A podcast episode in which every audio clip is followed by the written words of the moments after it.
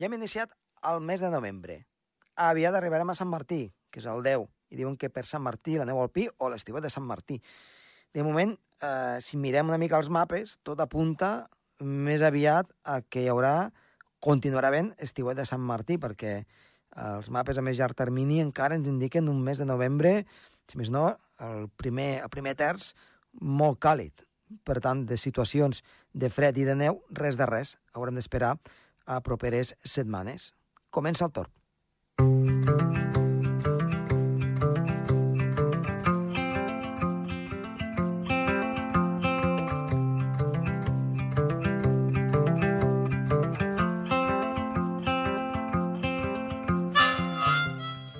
I mentre esperem que aquest mes de novembre porti les primeres neus, sobretot ja cap a la segona quinzena, avui parlem de dos temes molt diferents. El primer de tots, dels riscos a la muntanya, amb Gerard Tauler.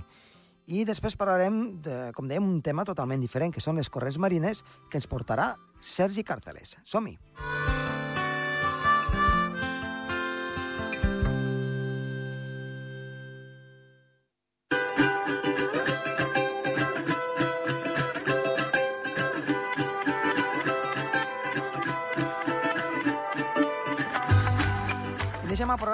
i parlem amb Gerard Tauler. Gerard, molt bona tarda. Hola, molt bona tarda, Josep Tomàs. Avui ens portes uns apunts eh, que no són meteo eh, exactament, però sí que tenen molt a veure i que crec que seran molt interessants pels nostres oients. Parlarem dels riscos. Sí, els riscos... Eh, si no hi ha una persona en un territori, no hi ha risc. I, clar, Clar, necessites que hi hagi persones. Vull dir, si hi ha una tempesta eh, Mhm. en un desert i no hi ha ningú, doncs no hi ha risc. Hi hauria un perill, potser. Un Uh, perill, això. un perill, però clar, el, un... perill, a, a, a, el, perill, el risc és perill per exposició. Mhm. I si hi ha persones, com més persones hi ha, hi ha més persones exposades. Uh -huh. Per tant, diguem-ne que el risc esta, tindria a veure amb el perill que es pot trobar, ja sigui doncs, al mar, a la muntanya, i on sigui, Clar, però pot ser un perill meteorològic, un perill sísmic, no sé, si saps més... i per la seva exposició, amb el perill aquest que, que pugui venir, Clar. i, i seria igual, diguem-ne, el risc en el que aquestes persones o persones puguin veure afectades, diguem-ne. Clar. I llavors, quins tipus de risc podíem trobar que tu coneixes? Sí, no... On parlem? De quina zona? Doncs per, potser d'aquí al Pirineu. Uh, No, aquí al Pirineu, clar, les, les llavissades de terra, no? De, Mhm. de, després de, de, de fortes pluges, llavissades de neu, vull dir, allaus de neu. Sí. Home, Aquí és molt comú que després de que hi hagi precipitacions eh, fortes, eh, hi hagi algun despreniment de roca. Sí, sí, no sí, sempre, sí. però sol passar, eh? eh? Que petites roques, a vegades fins i tot blocs grossos, eh? eh arriben a caure després de, de precipitacions que potser no han estat molt abundants, però han estat amb, de forta intensitat. Sí, sí. Després que caigui un llamp, o les tempestes, Això és més fàcil que et toqui la loteria, diuen, eh? sí, sí, és més fàcil, eh? Està comprovat. Que no pas que et caigui un llamp.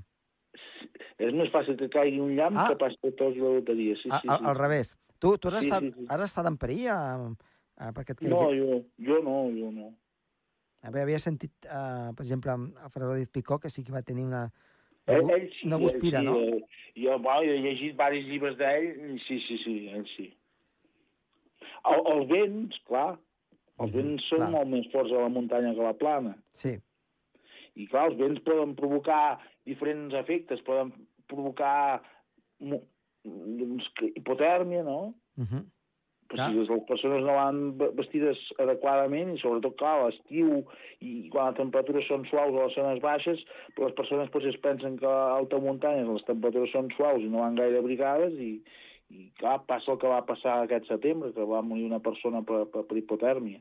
exacte. I sembla una cosa increïble, no?, que al setembre es pugui morir per Sí, sí, hipotermia. però, clar, però la sensació tèrmica pot ser de, inferior a zero, a alta muntanya, fins i tot a- al ple estiu. I si no tens uh, la roba adequada, uh, no fa falta que glaci. Això No, no, no, no. no ho volem no, recordar per les persones, fort, no?, que... Amb vent fort la, la, és exponencial la temperatura baixa, eh, amb 10 graus, menys de 10 graus, per cada, no sé, 10 quilòmetres per hora, baixa la, la sensació tèrmica una barbaritat. O sigui, pots tenir 10 graus de temperatura amb un vent de 50 i la Sí, sí, sensació la és de... sensació potser és de, de menys 4, ho dic de memòria. Clar, i, i, i, i llavors, clar, la, la, la mort és, és segura Sí, al llarg del temps. A no ser que estiguis movent contínuament, doncs et quedes parat, mors per hipotèrmia. I no és una temperatura negativa. Això m'agrada recalcar-ho, Gerard, perquè ara que ho has comentat, perquè doncs, ens venen molts turistes aquí a Andorra i, Sí, i, i això passa molt, eh? Se'n van a la muntanya, fa sol, i després a la tarda hi ha la Sí. típica tempesta. sí, és, és veritat. eh, L'Alfred Rodríguez Picó parla d'això al seu primer llibre. Doncs això, una persona va sortir de Sora amb, amb 30 graus i va anar a un refugi i, clar, la temperatura va baixar molt. Clar, només que, I va patir molta fred.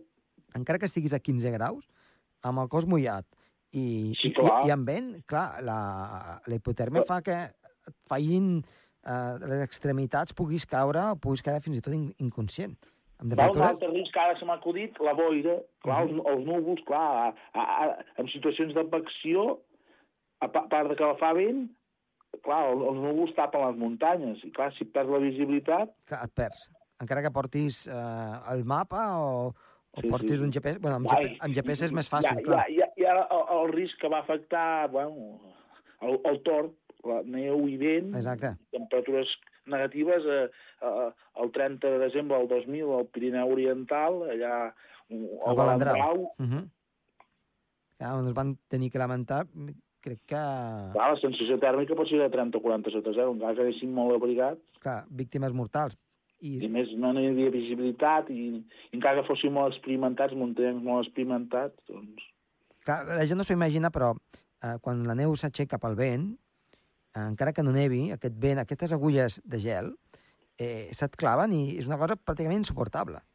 Sí, sí, sí, Eh? insuportable. Eh, no, no, sí, jo no. no ho he viscut, però m'imagino que sí. Eh? A, a vegades quan vas a esquiar, que fa vents de 50-60, si fa més ja doncs han de tancar potser doncs, algun remuntador, i, i tu vas esquiant i evidentment la cara se't queda com a cartronada i, i, Sí, és i, i veritat, fa molt de mal. veritat. Clar, aguantar això hores i hores, al final... Eh, És que aguantar-ho mitja hora no passa res, però si aguantes moltes hores, clar. uh -huh. També, Doncs res, que, que el millor és que quan vagis a muntanya has d'estar informat de- d'això, dels riscos meteorològics, sísmics, perquè també pot haver-hi un terratrèmol. clar, aquí és més complicat, eh? Però, però sí, és sí. complicat, però també pot haver-hi. I, i, i, també, desprendi- I els riscos, els riscos això, de, de, de, de, de, de geològics. sí, i també hi ha un risc que no se'n parla molt i que, que, que, en- que en principi no semblaria que fos un risc, que seria simplement el sol. El sol, clar, la radiació solar és molt més intensa. Exacte. Jo he llegit que, que, que els, els 6.000 metres eh, en un lloc del, del, del tròpic, d'ençà de l'hemisferi sud, hi ha una radiació potser solar 20 vegades més, més forta que, que, que, a nivell del mar eh, aquí a, a Catalunya. Uh -huh. Llavors, clar, Clar, vas, pots tenir cremades. Vas a la muntanya, aquí a pujar qualsevol muntanya de, de, com a Pedrosa, o Pic de la Serrera, qualsevol d'aquests, que doncs, estàs 3-4 hores, si vas a doncs, eh, Chino-Chano, i l'ambient de, de que fa sol, de que no notes de que faci fred, doncs et pot arribar a cremar la pell, inclús donar-te un cop de calor, encara que no Sí, sí, sembli. sí, sí, sí, sí. O cops de calor també és un risc. Exacte. Encara que sigui impossible, clar. Doncs Gerard, eh, moltes gràcies per aquests apunts de- d'avui, de, de, Sí, Meteo. Doncs, ens hem de cuidar, ens hem de vigilar. Exacte. Hem d'estar sempre eh, eh, eh, eh, saber la informació meteorològica i d'això, eh, consultar doncs, això, els, els possibles riscos. Molt bé. Per, Doncs ens quedem amb aquest, eh, amb aquest apunt i amb aquest eh, missatge. Moltes gràcies, fins la propera. Vinga, fins la propera. Adéu-siau. Adéu.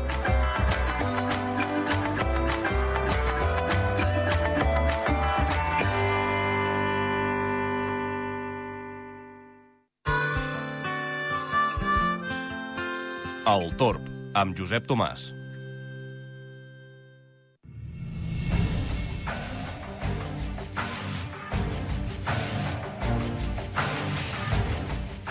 Avui tenim en Sergi Càrceles, meteoròleg, i que ens portarà eh, un tema que és eh, força important en el global de la Terra, que seria doncs, les corrents marines. Sergi, molt bona tarda. Hola, bona tarda. Moltes gràcies per tornar a estar aquí al programa. Les corrents marines, ens pensem que no són importants perquè doncs, eh, corrents marines, evidentment, doncs, et fiques dins l'aigua i se t'emporta la corrent, és el que nosaltres normalment doncs, quan anem a la platja podem sentir, però tenen un valor i una importància capdalt en la regulació de les temperatures, no? Doncs sí, les corrents marines són molt importants en el planeta Terra, ja que són una de les principals reguladores de la temperatura terrestre. No estem parlant només de la temperatura de l'aigua, sinó també té una gran importància per la temperatura superficial, la de l'aire. I és que al final tant l'oceà com el cel estan molt relacionats. Ja sabem que gràcies als oceans doncs, es produeixen la gran majoria de les pluges i també doncs, la gran majoria de sistemes atmosfèrics, els anticiclons i les depressions, tenen un gran, eh, tenen un, un gran que veure amb, amb els oceans. Així mm -hmm. que avui parlarem doncs, d'aquestes corrents eh, oceàniques, quines són i com influeixen el planeta Terra. Molt bé, doncs per on comencem? Doncs mira, eh, començarem parlant que hi ha dos tipus de corrents. Uh mhm. -huh. eh, això ja és el més comú, són les corrents fredes i les corrents eh, calentes, i aquestes corrents estan distribuïdes al llarg dels diferents oceans que tenim en el planeta Terra. També sí? hi ha algunes corrents que estan en alguns mars, per exemple el mar Mediterrani, uh mhm. -huh doncs té alguna corrent, però clar, són corrents molt petites perquè hem de pensar que el mar Mediterrani eh, doncs està bastant tancat, no, sí, no fluctua gaire l'aigua, únicament per l'estret de Gibraltar una mica doncs, per als estrets que, que té al seu voltant, que són petitonets.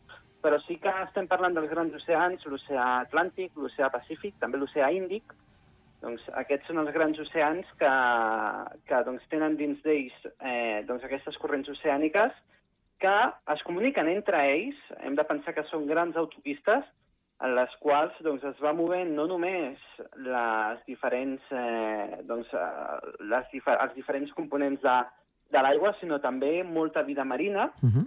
que aprofita aquestes corrents per desplaçar-se.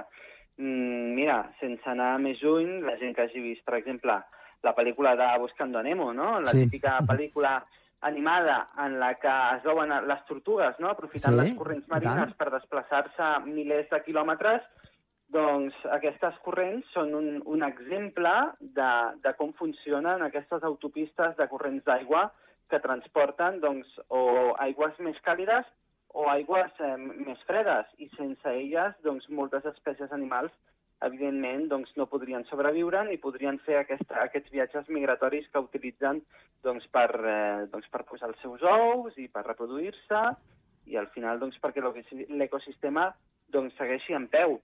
Però a part, com hem parlat, el, les corrents càlides, que sobretot estan situades als tròpics i a l'Equador, sí. que és la zona més càlida de la Terra, uh mhm. -huh. doncs van transportant aigua càlida cap als pols i al revés. Hi ha algunes eh, corrents fredes que es situen al pol nord i al pol sud, que el que fan és desplaçar-se cap a l'Equador i és aquesta, doncs, aquesta barreja d'aigües no, que fa que ni les aigües del tròpic siguin tan calentes, uh mhm. -huh. ni tampoc les aigües del pol nord siguin tan fredes.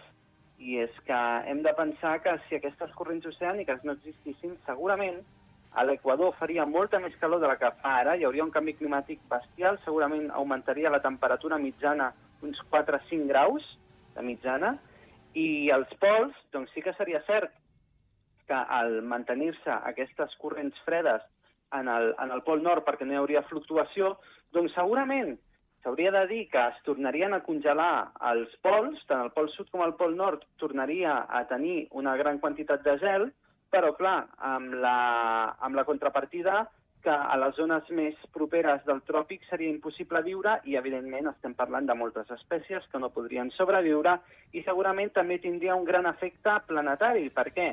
Perquè al final doncs, les tempestes, eh, les grans tempestes tropicals doncs es mantindrien només a la zona del tròpic i altres zones, com per exemple el nord d'Europa, també als Estats Units, o mm. la zona de Brasil, etc, doncs plouria molt menys i aquestes zones, doncs, evidentment, doncs, eh, es quedarien afectades en si en, en l'ecosistema planetari. Sí, Anem si... a explicar... Digue'm, digue'm, perdona. Sí, si, si mirem, doncs, uh, certs llocs del, del Pol Nord, per exemple, doncs estan ben lliures de gel gran part de l'any, no? Eh, sempre parlem de les costes de Noruega i doncs, a prop d'Islàndia, doncs, amb aquestes corrents doncs, que tu dius, eh, una mica més càlides, i que arriben fins allí fan doncs, que es reguli una mica la temperatura, no?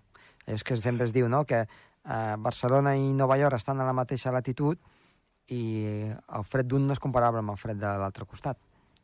Correcte, Eh? i és que ara anava, anava a explicar concretament aquesta circulació oceànica que està en l'Atlàntic, una circulació que afecta de ple a, a casa nostra, a la Mhm. península ibèrica, i també, que dèiem, als Estats Units, i hem de pensar que és, eh, pels que m'entenguin, eh, com un anticicló que està movent-se en sentit horari, Uh, les aigües que estan en el nord equatorial es desplacen cap al golf de Mèxic, Sí. arriben al golf de Mèxic molt càlides. Sí? Aquesta és una de les raons per les quals es formen tants huracans uh, a partir de l'estiu i de la tardor en aquella zona i les grans tempestes tropicals, perquè l'aigua que viatja cap allà és molt càlida, llavors comença a pujar per a l'est d'Estats Units, uh, però, clar, uh, no arriba a les costes dels Estats Units en si.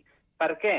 Perquè justament està baixant per la mateixa banda una corrent freda que viatja des de, des de Canadà i Groenlàndia cap al sud i es mou cap a Estats Units. Justament és aquesta la raó per la qual aquestes aigües càlides que haurien de pujar fins a Groenlàndia no arriben fins a Groenlàndia perquè hi ha aquesta barrera Mhm. de la corrent oceànica freda i es desplaça cap a l'est de l'Atlàntic, arribant justament cap a la península ibèrica. Península ibèrica, també estem parlant de l'oest de França, etc.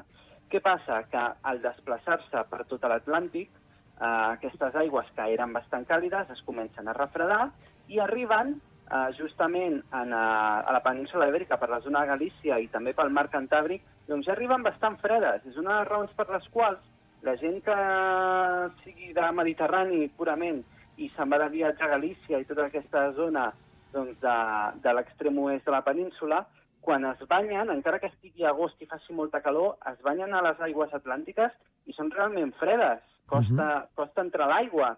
I és per aquesta raó, perquè són corrents eh, oceàniques que s'han anat refredant a la travessar tot l'Atlàntic Sí. i arriben ja més fredes cap aquí. Què passa? Un cop arriben a la península ibèrica, baixen cap a l'Àfrica, mentre van baixant cap a l'Àfrica es van tornant a calentar fins a arribar a l'Equador, on ja es tanca el cicle i torna a calentar-se mica en mica desplaçant-se cap al Golf de Mèxic. Aquesta és la circulació rotatòria que tenim almenys en aquesta... Bé, és la circulació més propera que tenim de, de l'oceà a casa Mhm. nostra, I en aquest sentit. parlaves també que al Mediterrani també hi ha alguna que altra corrent, no? Menor? Sí, hi ha corrents que són eh, menors, eh, no són tan ràpides tampoc, no estem parlant de grans Mhm. autopistes, però bé, també tenen una importància perquè eh, moltes vegades eh, doncs, les grans tempestes que es formen al Mediterrani és a causa d'aquestes corrents que la diferència de temperatura no es veu gaire, principalment perquè el mar Mediterrani, el seu mar mm, horitzontal, la latitud més o menys és la mateixa. Sí, si, clar. fos un, si el mar Mediterrani fos al revés, fos vertical, Sí. doncs sí que estaríem parlant de corrents potser amb una importància major en el canvi de temperatura, però el ser horitzontal i ser més o menys a la mateixa latitud, doncs no varia gaire la temperatura. Però anem a parlar d'una altra corrent oceànica que és molt important, afecta a, a, a tot el planeta i fins i tot afecta a Andorra quan hi ha modificacions. Estem parlant de la corrent eh, oceànica del Pacífic, una Mhm. corrent equatorial que eh, principalment es mou de Xile cap a eh, Austràlia i Nova Zelanda. Eh, és una corrent equatorial que és molt càlida, arriba a Nova Zelanda i a Nova Zelanda i Austràlia, i aquesta fluctuació eh, també afecta en el sistema planetari atmosfèric, que és el fenomen del niño i de la niña, en aquest sentit. Normalment, les corrents oceàniques eh, del Pacífic eh, es mouen d'aquesta direcció cap a... Estem parlant, del, en aquest cas, d'Austràlia i Nova Zelanda cap a Xile, o al revés, i llavors, segons la direcció cap a on vagin, si cap a un lloc o cap a un altre, tenim el fenomen del niño o de la niña. I això pot afectar doncs, en el sistema climàtic. Quan hi ha el fenomen del niño, que a vegades ho hem parlat, Sí. que és aquesta fluctuació Mhm. atmosfèrica eh, general de la Terra, doncs les precipitacions poden ser més abundants eh, a casa nostra, fins i tot, o un augment de la temperatura o de la inestabilitat. Fins i tot també creacions de més eh, huracans en el Golf de Mèxic, que, que bé, ara aquests anys anteriors, ja veurem aquest, aquests, eh, ja veurem aquest any, però bé, eh, s'han anat formant no? Aquestes, eh, aquests huracans que a vegades ja han arribat a visitar la península ibèrica. Sí, i tant. A anys anteriors eh, en tenim constància d'algun que doncs, ha visitat eh, Portugal, Espanya i, i no amb la virulència, evidentment, que passa als Estats Units o, o, o a les illes del Carib, però eh, ha visitat doncs, Europa, fins i tot illes britàniques i França, amb categoria 1 o amb, o amb tempesta tropical, pràcticament. Doncs sí. Eh, per acabar, cal remarcar que és important que els pols, a poder ser, es mantinguin iguals a com estan, que segueixi havent gel i que segueixin estant relativament freds, perquè, igual que hem parlat, que hi ha una corrent freda a l'est dels Estats Units, que el que fa és modificar la trajectòria del Golf de Mèxic i es situa cap a casa nostra, i es tanqués, es tanqués aquesta corrent oceànica freda perquè ja no queda gel en el Pol Nord, segurament doncs, aquestes autopistes que de moment han anat funcionant per inèrcia podrien modificar la, la seva trajectòria i això podria tenir doncs, eh, conseqüències per la biodiversitat marina i també per al clima que realment no sabem què és el que passaria, però segurament hi haurien canvis. No sabem si cap a bé o cap a malament, però hi haurien canvis. Uh -huh. ah, això vols dir que la corrent marina freda eh, es quedés més, més amunt, diguem-ne? O... Es quedés més amunt, no tingués força per baixar tant, o, o tranquil·lament, doncs, eh, si no hi ha pol, si no hi ha gels en els pols, almenys en el pol nord, doncs potser la corrent oceànica càlida pujaria encara més, uh -huh. es mhm. desfaria més el gel, i qui sap, potser fins i tot no es crearia ja més corrent oceànica freda en el pol nord. Llavors, clar, evidentment, no se sap, tots són hipòtesis, no sabem com pot evolucionar això, uh -huh. però hem de ser prudents i si de moment el planeta Terra funciona amb aquest ecosistema, doncs potser millor no, no moure-ho, no sigui que toquem alguna cosa que no ens agradi. Clar, a, a, més, a més llarg termini, a molt més llarg termini, tots sabem que hi ha la deriva dels continents, per tant, els continents es van movent i això s'acabarà modificant, perquè els continents no estaran així per tota l'eternitat i per tant les, les corrents marines s'aniran movent. Suposo que amb això doncs, també hi ha eh, modelitzacions de què és el que pugui passar. Doncs sí, clar, al final l'escorça terrestre es va movent contínuament, molt a poc a poc, també s'ha de dir, sí. però bé, aquestes eh, corrents doncs, també es van modificant, igual que el planeta Terra està en constant evolució. Uh mhm. -huh. L'ésser humà és una espècie que és molt resilient, que sempre s'adapta no, als canvis, però bé, eh, sempre cal estar alertes, aviam com pot afectar, perquè potser hi ha espècies marines que no hi havien i de cop doncs, apareixen al, a Galícia, estem parlant de taurons o sí, sí. saber del què parlem, sí, sí. en aquest cas. Doncs bé, eh, ens anem adaptant eh, per poc que puguem. Eh, Sergi, doncs moltíssimes gràcies i t'esperem una propera vegada. Molt bé, moltes gràcies. Adéu-siau.